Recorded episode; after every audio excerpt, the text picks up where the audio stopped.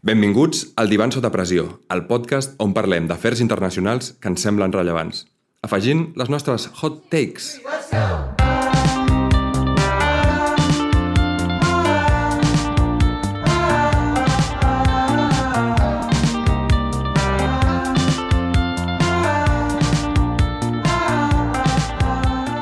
Jo sóc en Joan i, com sempre, tinc els meus dos acompanyants que avui encara no presentaré perquè abans, i sense que se m'oblidi, vull recordar, bueno, vull informar més aviat, que tenim el nostre primer comentari en l'anterior programa. Però hem estat parlant abans de gravar i hem decidit que respondrem les preguntes al final d'aquest podcast, per no liar els temes i tal, i per no allargar-nos més de la compta. Ui, i que se m'oblidava, que tenim canal de Twitter. Ens podeu seguir a arroba sota pressió. Eh, vale, dit això, eh, presento els meus companys. Què tal, Alberto? Bona nit, Joan. Molt bé, molt bé. Eh, avui tenim un tema una mica peculiar i, per, i sense dir-lo directament, Alberto, et preguntaré si algun cop has tingut alguna experiència amb les criptomonedes. Uh, no, cap. O sigui, porto anys uh, sentint-ne a parlar. Si tu t'has mantingut... Sí, m'he mantingut uh, fora del sistema, encara no m'han no entrapat. I, no sé, uh, poder hi hauria d'invertir. El meu cunyat sí que ho va fer en el seu dia i n'està molt content. En el seu dia, quan és, uh, més o menys? Quin any? Uh, 2014 o així. Gens malament.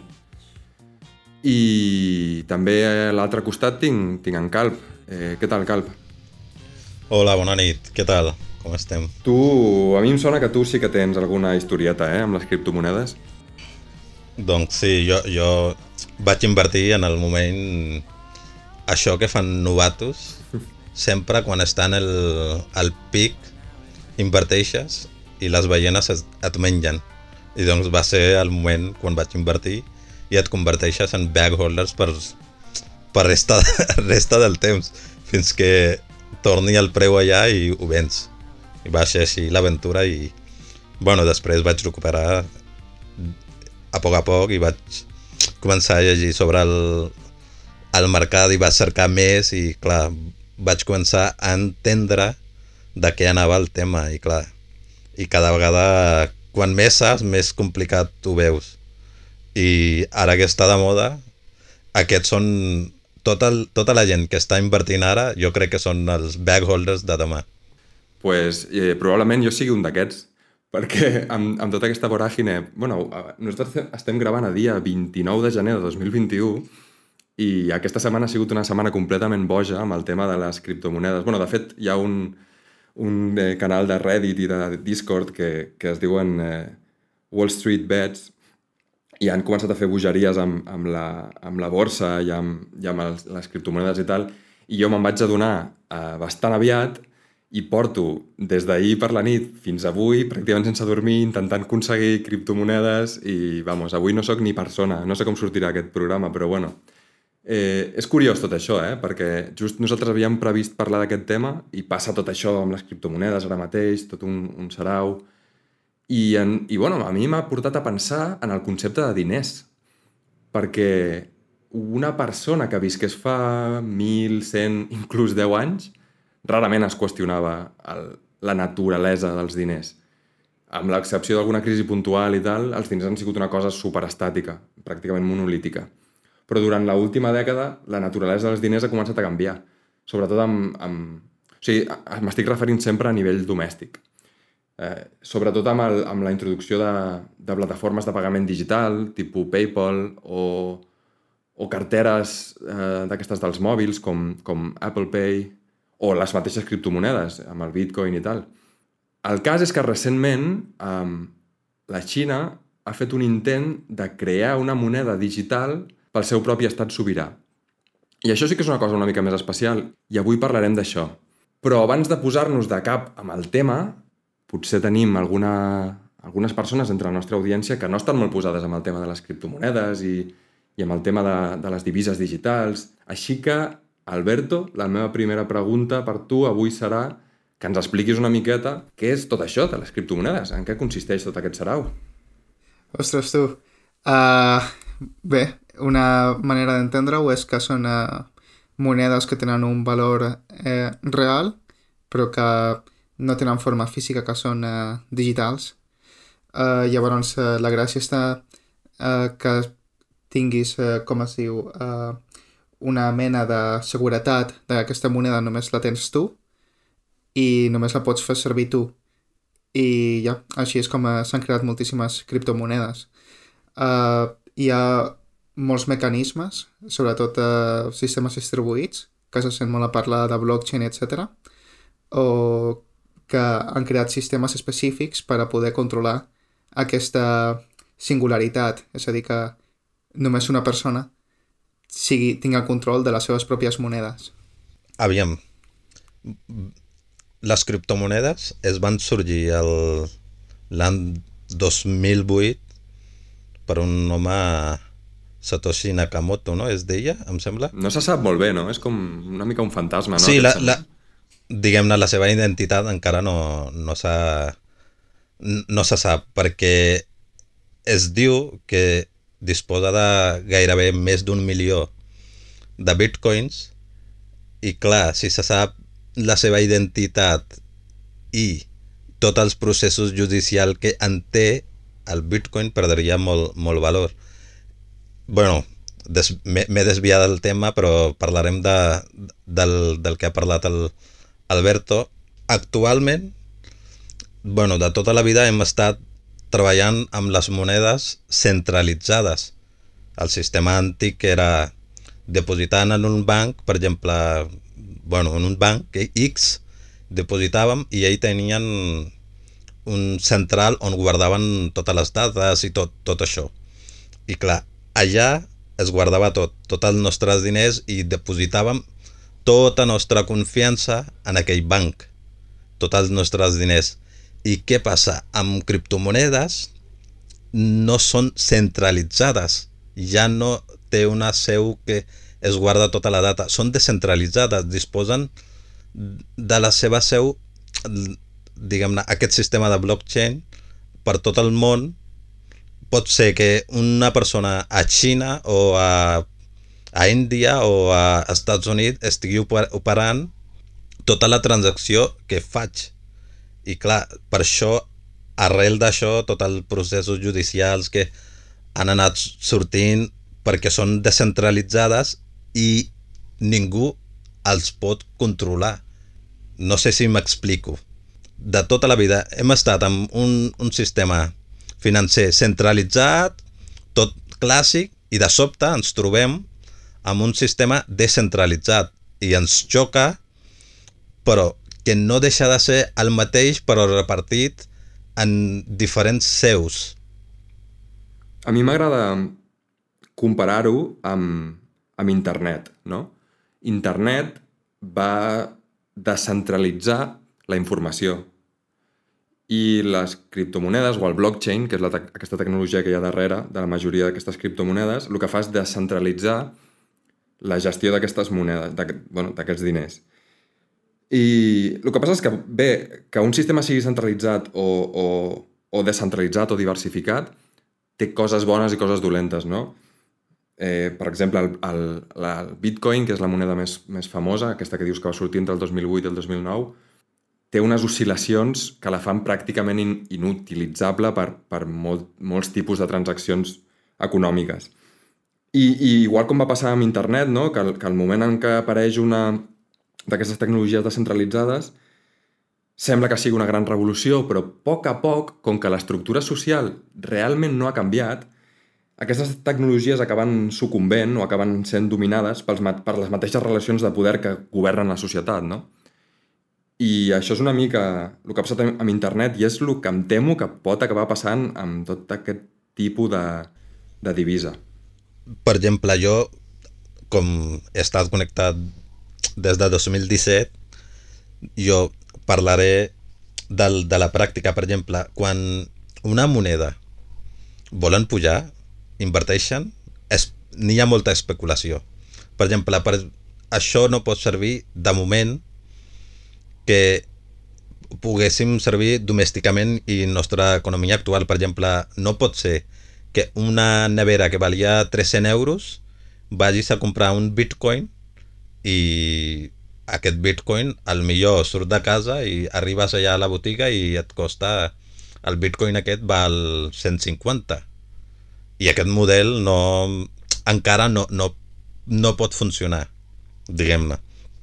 I, i els poders que tenen en el sistema de criptomonedes els diuen ballenes, aquestes grans grans inversors el que fan és manipular el preu fins que aconsegueixen l'atenció de la gent i la gent comença a invertir, invertir, invertir i aquestes ballenes, clar, no tenien comprador en els preus alts, però què passa? La gent com jo, novata en 2017, començant a invertir, en el, invertir en, el, en la notícia. I això és el concepte que fan servir, venen la notícia. I ell el que fan és vendre la notícia i després vendre la criptomoneda a base de la notícia. I ells surten molts beneficiats i es queden els petits o, diguem-ne, els petits peixos sempre queden allà mortes o queden allà per sempre per bag holders, per guardar fins que arribi a aquell preu que una ballena manipuli un altre cop i que arriben els preus allà. Jo crec que aquests sistemes beneficien més als, als inversors grans, que ja de tota la vida han sigut molts rics i els que fan és duplicar encara més les, la, els seus beneficis. Uh, a part de que hi, ha, hi hagi volatilitat, volatilitat etc a la moneda, uh, sí que s'està fent servir com a mètode de pagament per algunes coses, eh, sobretot per temes de prostitució, que sembla una, una tonteria però és un gran negoci al tercer món, perquè hi ha molts països que diguem que la seva moneda no val res i els bitcoins valen molt, etc. Uh, em sembla que tu i jo un cop, vam, bueno, un cop fa no gaire vam parlar d'això, no? De, a Venezuela que estaven fent servir criptomonedes, una cosa així. Uh, I també uh, pel tema de regulació em sembla que sí que veurem uh, si hi ha un gran actor que aquest gran actor sí que voldrà diguem uh, tenir bones relacions amb els altres stakeholders. Per exemple, el gran exemple que es posa és eh, la Libra no, de Facebook que es vol posar en marxa i aquest, eh, aquest sí que seria el banc més gran del món i per això està parlant amb tots els bancs en els països on es vol implementar Uh, llavors, uh, jo crec que hi ha aquestes vies, no? Una que seria la via uh, més institu institucionalitzada, que jo crec que serà una realitat, uh, només depenent de com de desenvolupats siguin els països s'implementarà abans o més tard. Inversament el que tu pensaries, és a dir, els menys desenvolupats s'implementarà abans que els desenvolupats i després eh, això es continuarà fent servir encara que hi hagi eh, que hi hagi un element especulatiu.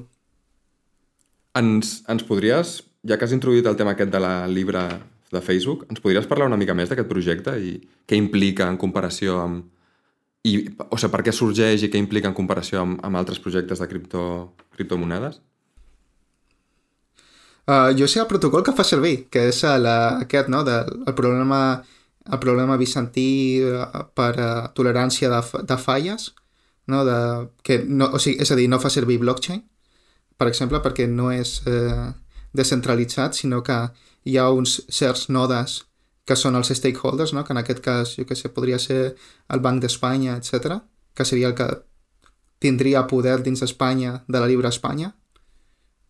I bé, eh, de moment jo el que he llegit és això, que està com intentant a col·laborar amb diferents països, etc per poder introduir-la de manera regulatòria. Uh, seria diferent perquè el valor també seria més estable, perquè no seria només, uh, com es diu, que ho determinés uh, Facebook, sinó que hi hauria això, un munt de stakeholders que haurien d'estar d'acord en uh, com avançaria el preu i bé, uh, en principi sobre el paper seria el banc més gran del món. Una cosa bastant curiosa, de fet, uh, una mica filant amb el tema del programa, és que em sembla que la Xina no els van deixar participar uh, quan, uh, quan van fer aquesta reunió amb no sé quants, quantes empreses eh, n'hi havia. Sí, exacte. Eh, el que dius tu, Alberto, al, al Xina no li van deixar i arrel d'això, el Xina, com va preveure, com preveu bastant sobre l'economia, arrel, d'això van començar a pensar per introduir una moneda, seva moneda digitalitzada, diguem-ne, yuan digitalitzat. I, I estan treballant sobre, sobre això. De fet, han, han, han provat en diversos estats, diguem-ne, de, de la Xina, i els ha, ha funcionat força bé, perquè van començar amb, amb els bancs, amb els treballadors de bancs, i van començar a pagar en, de forma digitalitzada i van veure que això funcionava i te, tindrà una peculiaritat, bueno, això que no serà com criptomonedes, és evident, i serà de la forma centralitzada. Com que abans també has parlat sobre, sobre les, la, el funcionament real d'aquestes criptomonedes, que al final és una espècie de, de Wall Street, però de criptomonedes, no? on, on es juga amb els valors de les monedes i es juguen entre elles i s'equiparen amb elles, etc etc. Eh, no em sembla que sigui una cosa molt allunyada realment de com funcionen els diners en el, els diners de, de, de la borsa, no? el, com es juga en borsa. Em dóna la sensació que, el, que els bitcoins i les criptomonedes han quedat relegades a un paper merament especulatiu, com és així el sistema financer.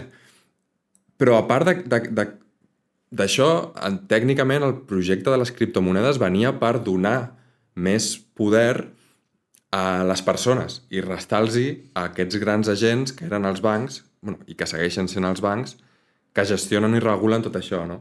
Una, una cosa bastant anarquista, no? per dir-ho d'alguna manera. Bé, no sé què en penses d'això i a part, l'Alberto també ha introduït un, una cosa interessant que crec que només hem, hem tocat per sobre però que estaria una mica més estaria bé concretar una mica més, és el tema de amb, per què s'utilitzen aquestes, aquestes eh, monedes, eh, criptomonedes, perquè, perquè ha dit l'Alberto, bueno, ha comentat lo de la prostitució a països del tercer món, però també tinc entès que s'utilitzen molt per comerciar amb, amb drogues, per pornografia infantil, per eh, venda d'armes il·legals... I al final ha quedat com tot relegat a un submón de, del crim que està ben allunyat del seu objectiu inicial, no? Sí, jo crec que el seu objectiu, com ben has explicat, era això, però cada vegada n'hi ha a criptomonedes, n'hi ha stablecoins, no? Que existeixen, per exemple, per comprar bitcoins o quan veus que el mercat és molt volàtil, compres el stablecoin i diposites allà la, la teva Com es diuen? quantitat. Com es diuen? Stablecoins, eh, monedes estables. Stablecoins. monedes Ah, estables. ok. Sí, gairebé eh, totes les, tots els blockchains, com Binance o Bybit o, o Kraken, tot, tot ho tenen. Coinbase, per exemple, tot ho tenen la seva el, la moneda estable. I de fet, als Estats Units, això de, dels bancs, el poder que tenien, com han vist que això de criptomonedes els sobrepassava el, el poder i el que han fet han adaptat a les criptomonedes i han obert allà en Estats Units, no sé en quin estat, eh, un banc que accepta els monedes estables. Diguem-ne, el concepte que hi ha anarquista per donar el poder al, a la gent, clar, això era el, el objecte, objectiu principal, però des de principi, però els bancs han, han vist l'oportunitat i s'han adaptat, mm, diguem-ne, ràpidament a les, a les, a les criptomonedes i a- al, al, nou, el nou mercat, el, la nova forma de pagar. I de fet ja, ja hi són ja hi són bancs que accepten aquestes monedes estables i es pot operar tranquil·lament amb aquestes, aquestes monedes. I, I al final la pregunta quedarà ja qui tindrà poder? Els bancs tornaran a tenir poder que tenien? Jo diria que sí, perquè s'estan ficant massa en el tema de, de criptomonedes i al final tindran el poder que volen. Quines són aquestes monedes estables? Em pots posar exemples? Pues USDT, per exemple, USDT, que és de Binance, i l'altre és USDC, és de Coinbase. i després n'hi ha l'altre de Binance, que és BUSD, Binance USD, i relativament valen a un dòlar, diguem-ne, és igual gairebé, costen a un dòlar. No són, el preu no varia tant. Respecte a això que parlem de la, de la mm, descentralització, no? de donar el poder a la gent i tal, i, i, i que siguin ells, i que siguin aquestes persones que treballen amb aquests diners les que siguin responsables de garantir la confiança amb, amb el sistema, m'agradaria preguntar-vos, concretament a tu, Alberto, potser que sé que coneixes una mica bé com funciona tot el, tot, tots aquests algoritmes per darrere, eh, el tema de, de la privacitat, perquè és veritat que el, eh, tinc entès que en, en aquests sistemes queda un registre de totes les transaccions bursa, eh, totes les transaccions comercials que fas amb aquests diners i, i queden a la vista de tothom, no? Com, com es manega aquest tema? Tu, hi ha una cadena de blocs eh, que són les transaccions eh, de certes monedes. Eh, llavors, quan tu crees un nou bloc que només es pot crear eh, per a força bruta, no? que és... Eh, em sembla que pel tema de Bitcoin és allò, eh, esbrinar nombres prims, etc. El que, la, el que anomenen minat, no? O minatge, o mineria. Sí, sí, sí, sí. Uh, uh, aquesta part de, de mineria, diguem, quan uh, aconsegueixes tenir aquesta prova de que has aconseguit aquest nou nombre, diguem, uh, es fa un hash d'aquest nombre. És a dir, s'encripta, diguem, aquest nombre i es posa a un nou bloc. Quan eh, es posa aquest nou bloc, estàs donant també el hash, diguem, o sigui, l'encriptació del bloc anterior. Llavors, cada cop que tu vulguis, eh, com es diu, eh, alterar un bloc, has d'alterar també el següent, el futur. Llavors és eh, molt complicat. Només voldries alterar un bloc quan fas una transacció econòmica, no? Quan mous diners o reps diners o generes diners. Sí, sí, sí, llavors seria, eh, seria fer malbé eh, tota la cadena, des del punt on estàs fins al futur. Uh, I per fer-ho això, com que això al, al cap i a la fi és un problema uh, un problema bizantí, que es diu, no? això de que hi ha nodes que poden actuar de manera random, etc. Uh, la manera de decisió a blockchain és que uh, es dona com a vàlid només una transacció, diguem, quan la cadena que estàs fent a la cadena a la que estàs i està d'acord al 50, eh, el 50 plus eh, 1% de, eh, ja, de tots els eh, miners, diguem. De tots els nodes connectats. Sí, de tots els nodes connectats. connectats. Llavors eh, és més difícil eh, de fer malbé una cadena, diguem, perquè és una força massa, massa gran com per fer-la malbé. Uh, a més, hem de tenir en compte que em sembla que Bitcoin uh, treballa amb un throughput molt, uh, molt baix, és a dir, de transaccions que fan per, uh, per, cada, min per cada minut, etc. Hi ha molta latència. Llavors, uh, entrar de nou i fer malbé aquesta cadena uh, és un problema d'aquests, uh, vaja, impossibles. Llavors són, uh, és, són monedes segures. Uh, bé, aquesta, bé, Bitcoin altres monedes que funcionen amb altres tecnologies i hauríem d'anar a fons i... Uf, és força difícil també. Sí, són, són monedes segures mentre, mentre hi hagi gent utilitzant-les, no? Mentre, mentre la gent la, segueix, la segueixi minant i la segueixi utilitzant, no? Se la segueixin intercanviant. Sí, clar, mentre, mentre con, continuï gent eh, traient diners per les transaccions, etc., doncs eh, continuaran, continuaran sent segures. Aquí hi ha un punt interessant, que és que aquí no guanya diners un banc, sinó que guanyen diners, entre cometes, perquè són moneda d'aquesta digital o criptogràfica, com li vulguis dir, les persones que les generen i les persones que garantitzen les transaccions, no? Sí, eh, m'agradaria afegir una cosa, que, per exemple, això de la mineria, els miners que, que li diuen, per exemple, 60% de la mineria global, estem parlant global de criptomonedes, es fa a Xina. A Xina, perquè, perquè l'electricitat és molt barata. L'electricitat és molt barata i tot el procés que, que dius tu, Alberto, això és, diguem-ne, doble validació, no? Diguem, I això portarà més electricitat i més contaminació. Mm. Sí, i una forma, una forma com molt visual d'entendre-ho, ho, ho dic ràpid perquè potser l'Alberto és una persona bastant entesa i és bastant especialista i ho, ha, ho haurà explicat bastant tècnic. A mi m'agrada entendre-ho com, com una classe de l'escola, no? on hi ha nens i un, i un mestre, un professor. Llavors, eh, diguem que el professor és el banc i si el Pepito li diu a la Juanita et deixo 10 euros, el mestre, el professor dirà bueno, s'apunta a la seva llibreta. El Pepito li ha deixat 10 euros a la Juanita. Llavors, d'aquesta manera, aquest, aquestes dues persones saben que tenen una relació de dependència, no? que li deuen diners a través del mestre, no? I quan li, i quan li torna els diners, el mestre diu, bueno, doncs ja li he tornat els diners.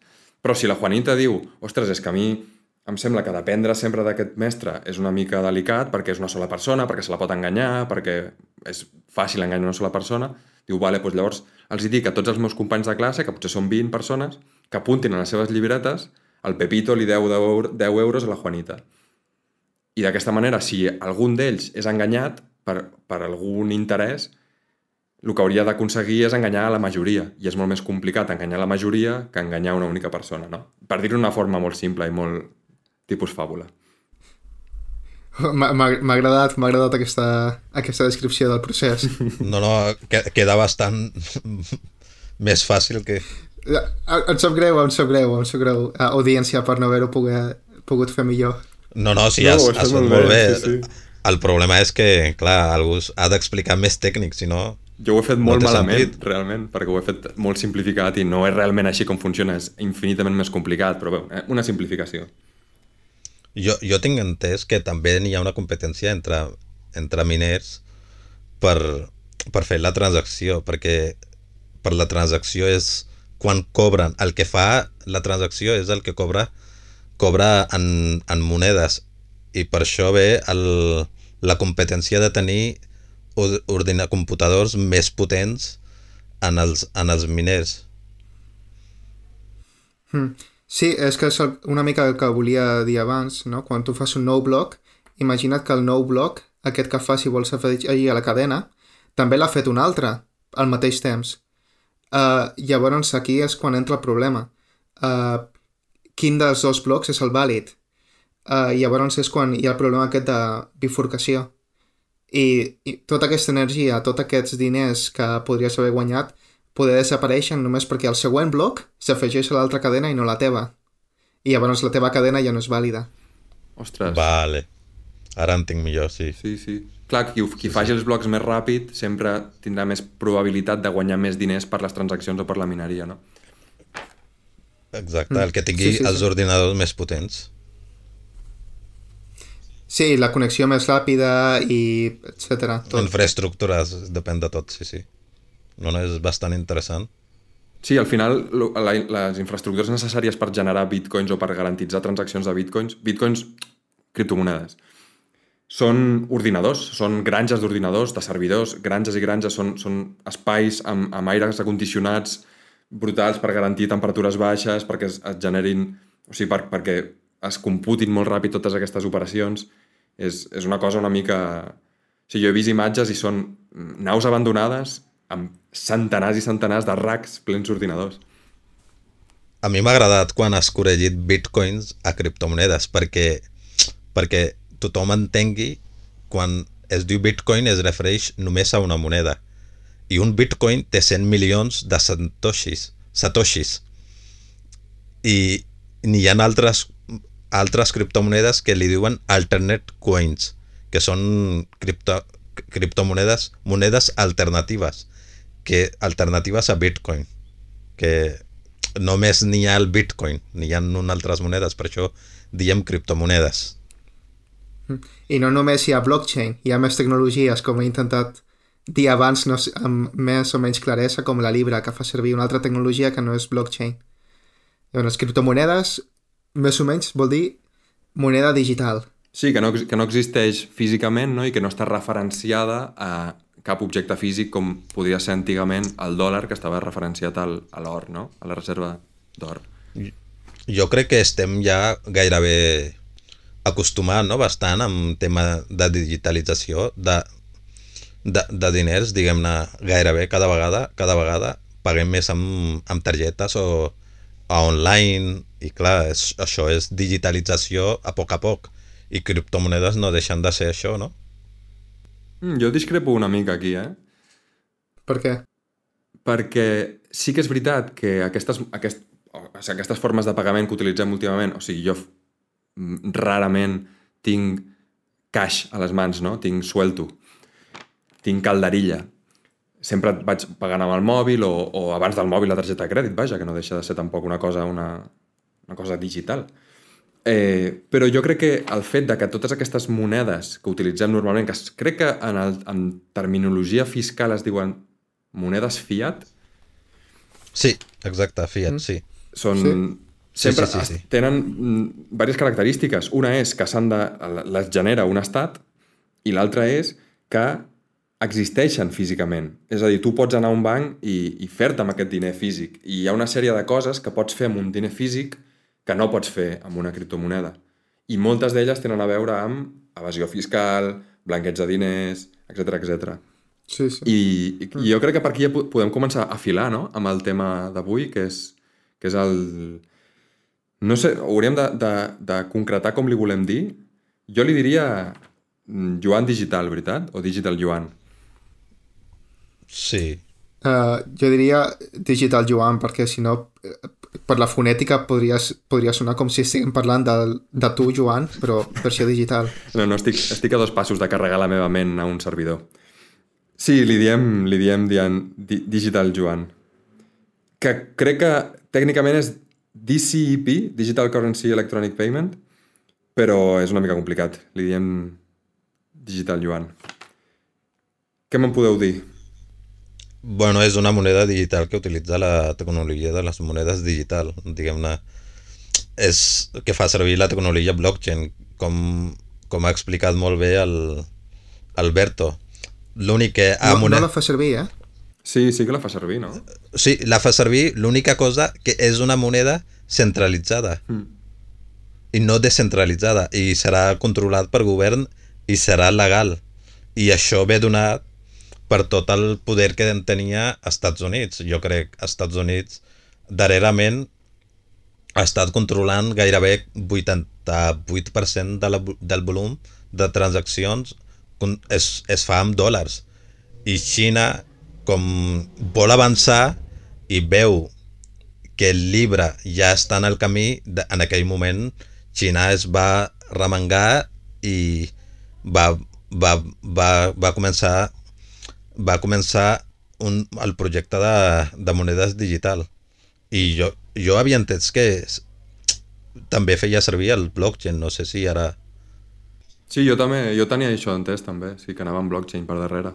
l'únic que són centralitzades con- si no, si, si fossin descentralitzades seria un caos perquè ja no tindrien poder absolut i això al Xina no crec que els faci gaire gràcia Sí, jo, jo és que vaig llegir una entrevista d'una... Uh, com es diu? Uh, d'una persona de, del Banc de la Xina, etc que parlava d'això i deia que no necessàriament tenia que estar basat en blockchain, ah, podria ser però però ho, de, ho deixeu una mica obert. No sé si l'entrevista que li vaig llegir estava una mica out of date, però... L'única cosa que sobre aquest tema, com Xina ho fa tan secretisme, no se sap ben bé des de fora. Se sap que estan desenvolupant i estan fent to tots els processos, però encara no se sap realment la tecnologia que faran servir. bueno, de, de fora, com és... De fet, Xina ha estat bastant crítica amb, amb criptomonedes i, i la seva forma de, de, descentra, de la seva forma, diguem-ne, descentralitzada. I no és exactament legal a, a Xina, les criptomonedes. Sí, van prohibir el trading. Jo recordo uh, un, un de la uni, de la UPC, que va perdre un munt de diners per això, no? Que va haver-hi un dia sense cap notícia i ho van tancar, el trading de monedes a la Xina, una cosa així. I per això volen la, el, el seu sistema de, de, digital i així tenir un poder econòmic més aviat, diguem-ne, competir amb Estats Units. Jo crec que el, en el fons és això i, i ell ho han previst que el futur passa per les monedes digital. Per molt que soni ara un, una ciència futura, diguem-ne, futur, molt futur, però de fet ja estem servint, com hem parlat abans, ja estem, par ja estem pagant amb targetes i són... és una forma digital. A la Xina, a la Xina concretament, el 32% de totes les transaccions comercials es fan a través de o Alipay o WeChat, que són una espècie, com, com aquí el més famós no? és pagar amb el mòbil, com a Apple Pay o una cosa similar.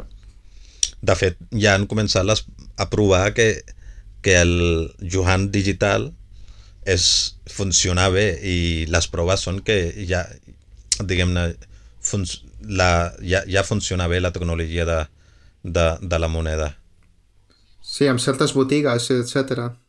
Uh, sí, això que vaig veure un vídeo per veure com funcionava de la Xina, etc. I em va semblar uh, molt interessant, no? Com, com es nota quan tens un estat darrere, com de ràpid poden anar les coses, que moltíssimes botigues acceptaven el pagament en, uh, en uh, Joan Digital i també uh, cobrar en, uh, en, uh, Joan, en, dig, en Digital Joan.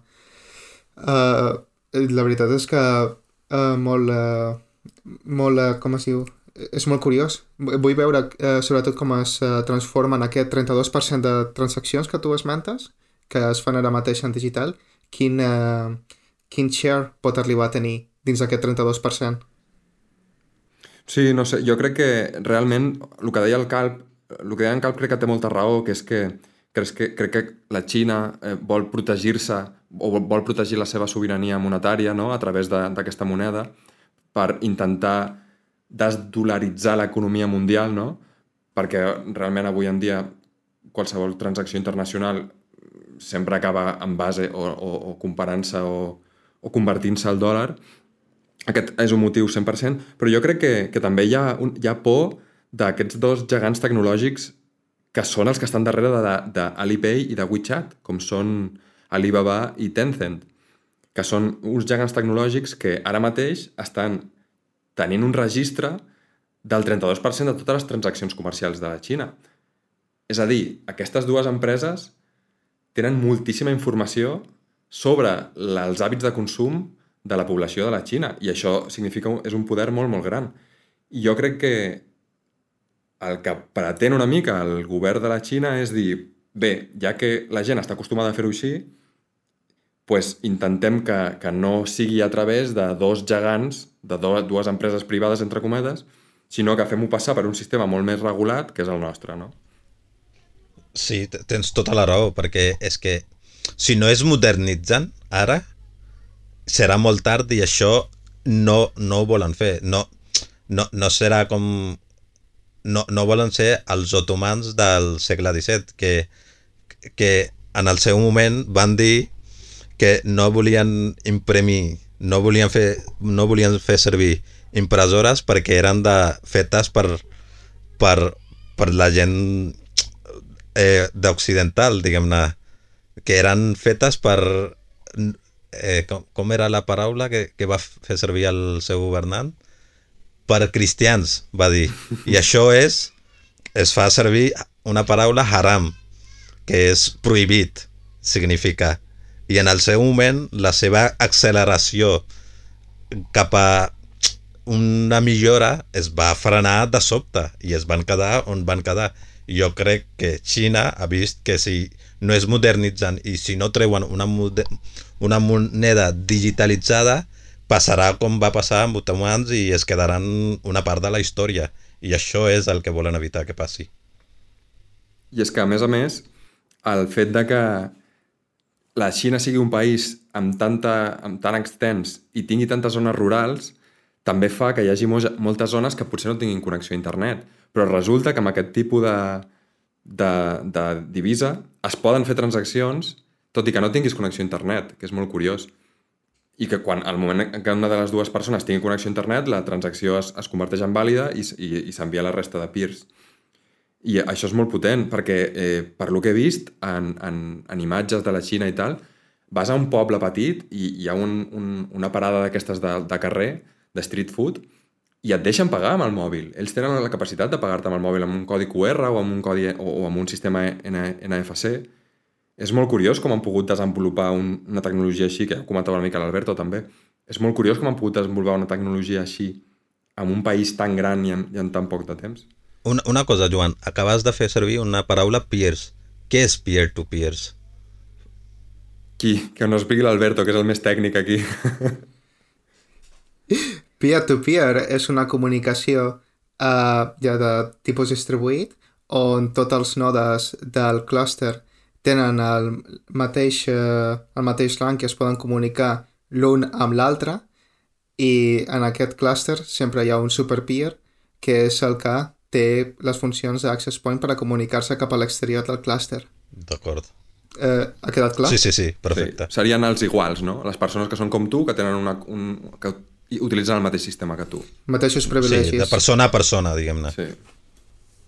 Bé, uh, Joan, a mi m'ha cridat molt l'atenció una cosa que deies, que potser molta gent no n'és conscient, uh, que és que el, el comerç internacional, uh, quan uh, un, Espanya vol comprar, una empresa d'Espanya vol comprar quelcom o una empresa del Marroc, ha de passar per un sistema que eh, em sembla que tu l'has esmentat, Swift. No l'he no esmentat, he, he esmentat Fiat, però sí, Fiat i Swift són conceptes que haurem de definir en algun moment. El sistema aquest eh, internacional eh, que es diu Swift és on eh, superen les transaccions a nivell eh, global. Quan, eh, quan això, quan una empresa d'Espanya vol comprar quelcom a una empresa del Marroc, ha de passar per aquest sistema, que és un sistema d'intercanvi uh, de divises. Uh, normalment uh, es, em sembla que es fan en dòlars, que és el que, la moneda de reserva, si no m'equivoco. Sí, exacte. I, bàsicament, això li dona molt de poder als Estats Units. Podem, eh, molta gent està relacionada amb el bloqueig a Cuba. Eh, per exemple, a Cuba, Cuba no pot eh, comerciar lliurement amb, eh, amb la resta de països del Carib perquè està bloquejat d'aquest sistema. I eh, això és una cosa que li pot donar certa por a la Xina perquè els darrers anys eh, han estat eh, molt forts, eh, o sigui, el, el període de Trump en tema de sancions i sobretot sancions en aquest, dins d'aquest sistema del SWIFT ha sigut molt gran, molt gran, no sé si fins i tot massa gran pel seu pes i que estem parlant del país més poderós del món i més ric, però tot i així és el 4% de la població del món. Ha semblat molt irresponsable. De fet, va haver-hi... Es va parlar poc, però la Unió Europea ja sabeu com és, no? que eh, ha estat molt inactiva, eh, però va, van pensar de fer això, de fer una moneda digital per poder comerciar amb l'Iran, perquè hi havia un tractat que era per obrir el comerç entre, entre Iran i molts altres països a canvi d'un tractat nuclear, etc. Trump va, va destrossar aquest eh, pacte i li va posar sancions a l'Iran. Llavors cap país d'Europa podia comerciar amb l'Iran. Uh, ha, sigut, uh, ha sigut molt devastador. Llavors la Xina jo crec que té por de que els hi passi una mica això, que no puguin comerciar, per exemple, en Kazakhstan o amb uh, Indonèsia, per posar exemples. Estic totalment d'acord amb això i és un dels grans motius, jo crec, per la que la Xina ha desenvolupat aquest sistema per intentar desdolaritzar una mica l'economia mundial. Per cert, el, el SWIFT és la Societat per les Comunicacions Interbancàries i Financeres Mundials, és la, la, les sigles. I es va fundar al 73 com una cooperativa d'una sèrie de bancs. I avui en dia és, aglomera literalment pràcticament tots els bancs del món i has de passar per ell sí o sí quan vols fer una, una transacció internacional. I per lo que sé, i tot, tot, i, tot i està basada amb el, amb el dòlar, té una, una eh, dependència molt gran dels Estats Units i inclús se sap que la NSA ha arribat a espiar i ha arribat a, a utilitzar el, el SWIFT com una eina política. Sí, fa poc d'això, no? Em sembla... Uh a Dinamarca, em sembla. Dinamarca, Suècia? Em sembla que va ser l'Agència de Seguretat eh, Nacional de Dinamarca, em sembla que ho va destapar, no? Alemanya, no? Alemanya, diria. Mm, podria, podria ser, però que va destapar que era de diferents països europeus. Sí, sí, eh, molt fort. És això que... Em sembla que, eh, tot i ser això el país més ric i més poderós del món, del món estan eh, fent servir, eh, sobreutilitzant el seu poder que tenen en el sistema bancari internacional. I em sembla que molts països cercaran altres mesures. Això, com, com he esmentat de la Unió Europea, eh, que al final no, no, no es va endur en lloc, ja diu alguna cosa, no? Que es vulgui... que hi havia certa intenció de no voler obeir a sancions, etc. o que es tingui certa por a de que es posin sancions, imagineu a, que es posin sancions, eh, no sé, al Marroc mateix, no, al Marroc no crec, però a un país important eh, per a Europa eh, i que de sobte no, no es pugui comerciar amb ell. Eh, és una situació molt perillosa.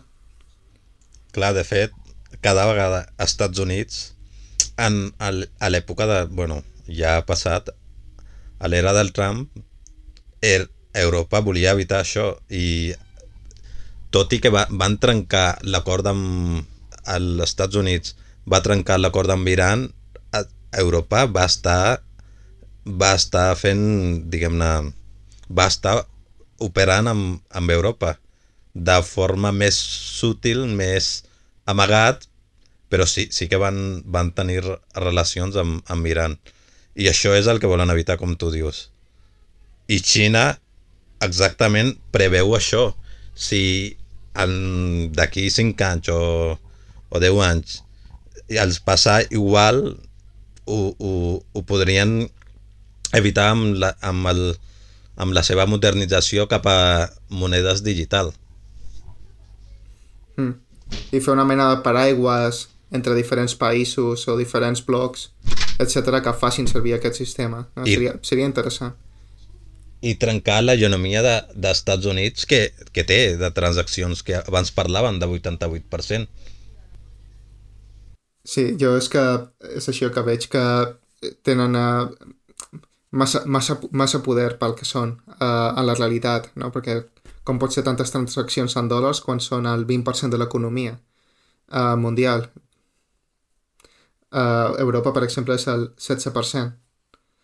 Llavors, uh, jo crec que se cercaran uh, solucions.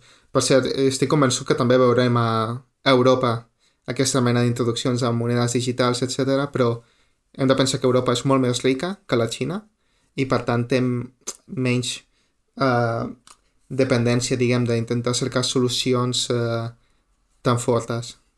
Tu què en penses, Joan? No, estic molt, molt d'acord amb el que heu dit. Eh? És, un, és un punt superclau i superimportant i crec que, i crec que hi ha tantes pistes, ja hem estat parlant de diverses coses i hi ha moltes pistes de cap on està tirant l'hegemonia dels Estats Units i de lo, de lo fràgil que s'està tornant ara mateix.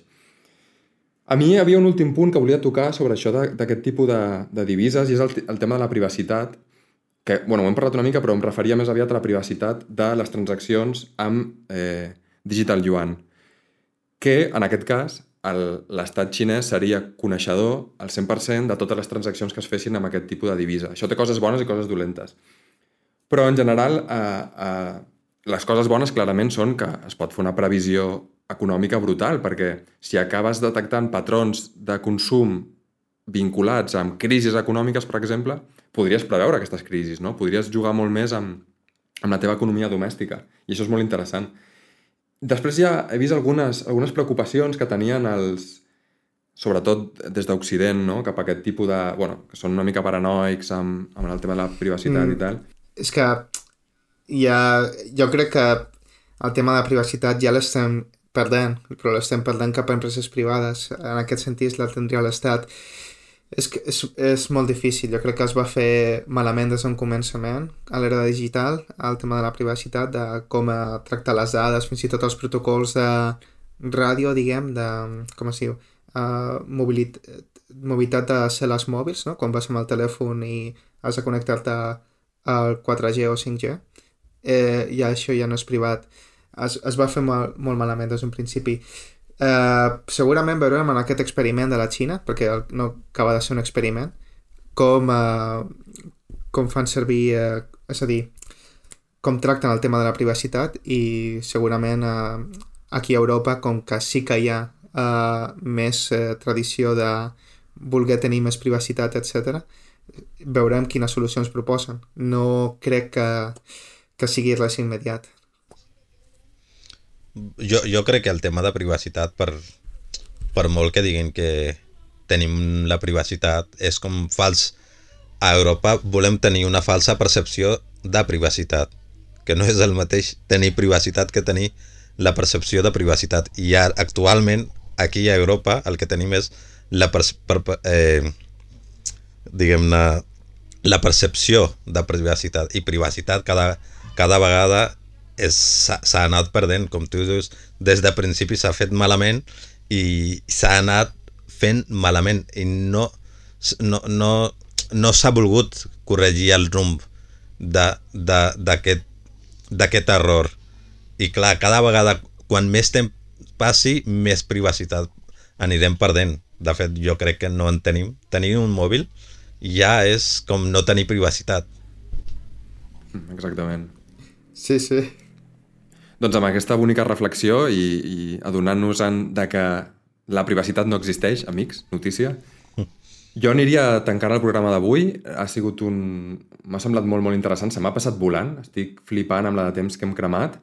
Però no ens en podem anar sense respondre la pregunta que ens han deixat al programa anterior.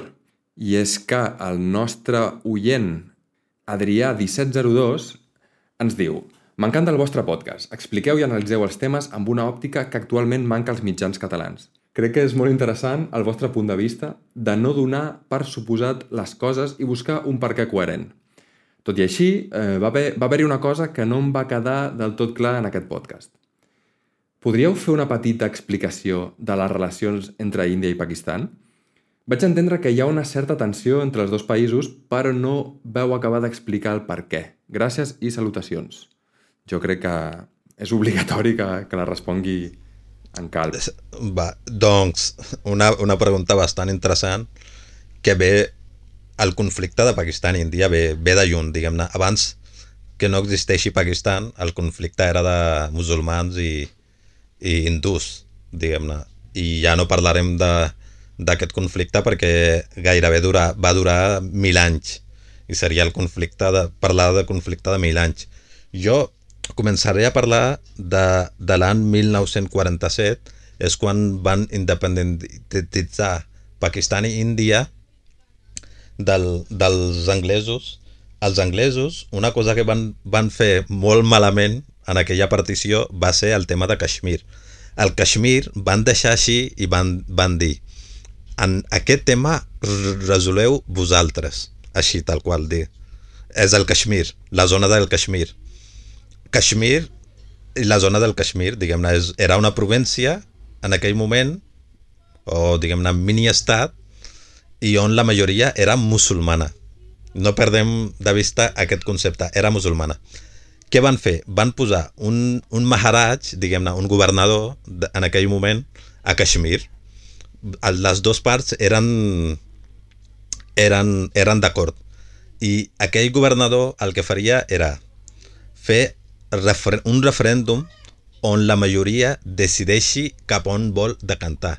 Però què va passar? Va passar que el primer dia d'independència de Pakistan i Índia va, primer va passar el de Pakistan el 14 d'agost i el dia 14 és quan el, la gent de Kashmir van celebrar el dia i, i clar, això al Maharaj aquest, al governador aquest no li va agradar gaire i aquesta preocupació va traslladar en el Congrés d'Índia.